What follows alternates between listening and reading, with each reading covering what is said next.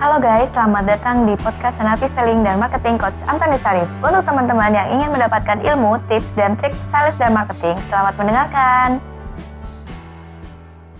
Arif, nama saya Yeni Handayani. Saya uh, anggota coaching by WA uh, eh, yang berkantor di DP6 Pru Merdeka di Denpasar, Bali. Uh, kurs Arif, saya senang menonton tayangan video yang kurs berikan dan saya berupa, berusaha untuk menerapkan hal itu untuk meningkatkan penjualan saya. Nah, yang menarik e, buat saya adalah salah satu video yang berjudul menjual tanpa ditolak. Nah, saya menerapkan hal ini. E, biasanya sebelum berjualan saya itu e, melakukan suatu monolog. Jadi saya berperan sebagai uh, pihak agent dan sekaligus saya juga merupakan nasabahnya. Ini sebagai usaha afirmasi saya agar nantinya saya bisa membuat nasabah itu closing.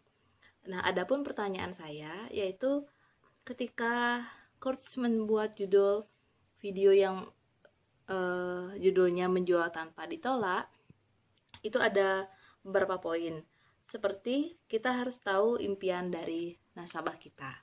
Oke, saya tahu impiannya. Kemudian yang kedua, hambatan apa yang akan kita hambatan apa yang diperoleh ketika impian itu tidak tercapai. Lalu kalau tidak tercapai, dampaknya seperti apa? Dan kalau terus-menerus terjadi, apa yang akan terjadi? Nah, yang kelima ini uh, seandainya saya punya teknik untuk mencapai nah seandainya saya punya teknik untuk mencapai uh, impian Anda. Uh, tekniknya itu seperti apa? Apa hubungannya dengan asuransi? Kalau yang saya lihat sih uh, tekniknya lebih menuju ke agent.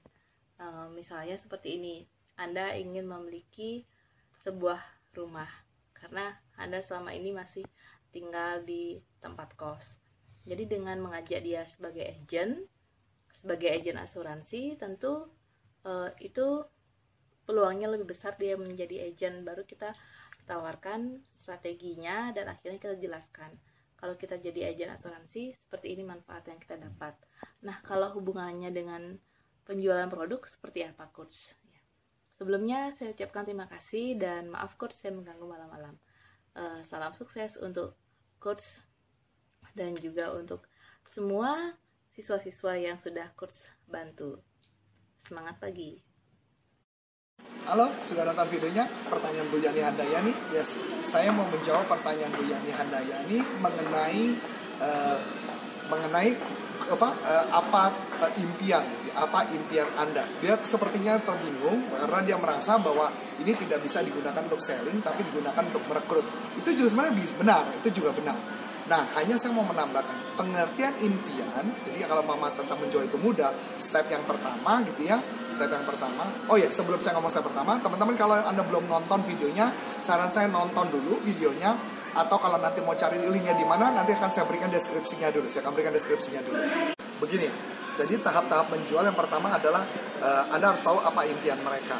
Impian itu pengertiannya bukan berarti impian uh, goal atau apa, bukan. Misalkan contoh, kita dalam konsep misalnya tadi menjual asuransi kita bisa tanya uh, ada punya planning nggak untuk misalkan anak anda ke depan misalkan mau sekolah di luar negeri dan sebagainya itu itu pertanyaan contoh atau anda sudah punya planning nggak untuk warisan gitu warisan untuk anak-anak anda atau uh, kalau misalkan kita ngomong ke bisnis anda sudah punya planning nggak untuk misalkan uh, kalau mama nanti Eh, ketika bisnis Anda Anda punya hutang dan kemudian Anda mau membayar gitu loh ya membayar hutang kalau mau misalkan Anda nggak terjadi sesuatu apa yang bakal terjadi? Itu bisa contoh.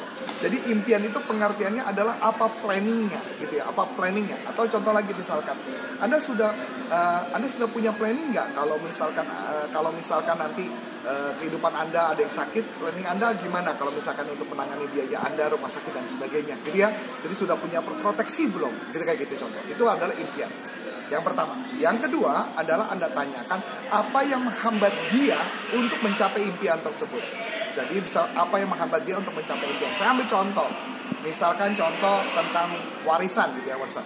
Apa yang menghambat Anda untuk mencapai warisan itu? Misalnya orang yang ngomong, oh yang menghambat saya untuk warisan, misalnya contoh eh, saya nggak punya ya, apa hambatan Anda untuk mencapai hal itu? Atau misalkan Anda karena misalkan mau sekolah luar negeri, eh, kemudian Anda mau menawarkan berkaitan dengan pendidikan, Anda bisa tanya, ada nggak hal yang menghambat untuk mencapai hal itu? Nah, kalau sudah tahu apa hal yang menghambat untuk mencapai hal itu, kita gunakan hal yang menghambat tersebut dengan gunakan konsep yang ketiga adalah pain. Jadi ada cari painnya dia apa kalau itu nggak tercapai misalnya apa apa dampak yang bakal terjadi pada hidup anda jika impian tersebut nggak tercapai jadi ya apa dampak anda pada hidup anda jika anak anda nggak berhasil mencapai impian anda nah setelah sudah itu ditanyakan P-nya kemudian diceritakan tentang P-nya anda jangan buru-buru untuk menawarkan produknya. Nah yang tadi saya jelaskan gini banyak orang ketika sudah tanya belum apakah ada impian apa enggak apakah ada yang menghambat apa enggak kemudian buru-buru langsung wah kebetulan nih saya punya produknya saya tawarkan produknya. Itulah puncak puncak kegagalan anda. Anda harus sabar jangan buru-buru menawarkan produk anda. Jadi setelah menanyakan impian apa yang menghambat kemudian apa pinnya kemudian dilanjutkan keuntungannya apa? Jika saya bisa memberikan solusi buat anda. Dia nanti ceritakan tentang sol apa keuntungan dan sebagainya. Setelah sudah baru anda ngomong kalau saya bisa bantu anda bisa mendapatkan ada impian tersebut kira-kira gimana? Tertarik nggak untuk mendengar? Kalau orangnya antusias baru anda melakukan presentasi atau menawarkan solusi nah ini loh yang maksud saya mengatakan kebanyakan kegagalan orang adalah sudah berjualan dulu sebelum menggali kebutuhan saya ulang lagi kegagalan apa Kegagalan sales adalah apa?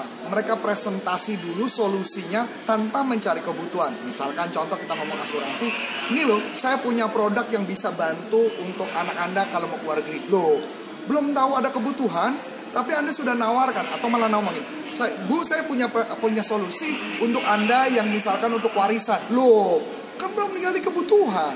Anda harus gali kebutuhan dulu, baru Anda presentasi solusi Kegagalan sales adalah so tahu langsung menawarkan produknya. Customer belum butuh tapi Anda sudah tawarkan. Nah, jadi Anda harus hati-hati dulu. Pertama, gali kebutuhannya dulu adalah apa impiannya, apa yang menghambat, kemudian apa pain-nya kalau itu tidak tercapai dan apa keuntungannya jika itu tercapai. Ya, dan kemudian baru Anda tawarkan solusinya. Itu aja tips dari saya. Jika ada Anda yang mau bertanya lebih lanjut atau bertanya juga sama, Anda bisa kirimkan video kepada saya. Nanti saya akan bantu jawab untuk Anda. Oke? Saya Antoni Sarif, mengucapkan banyak terima kasih. Sukses buat Anda. Sampai jumpa. Salam performance. Bye-bye. Nah, untuk teman-teman yang sudah menerangkan, terima kasih ya. Dan nantikan podcast selanjutnya.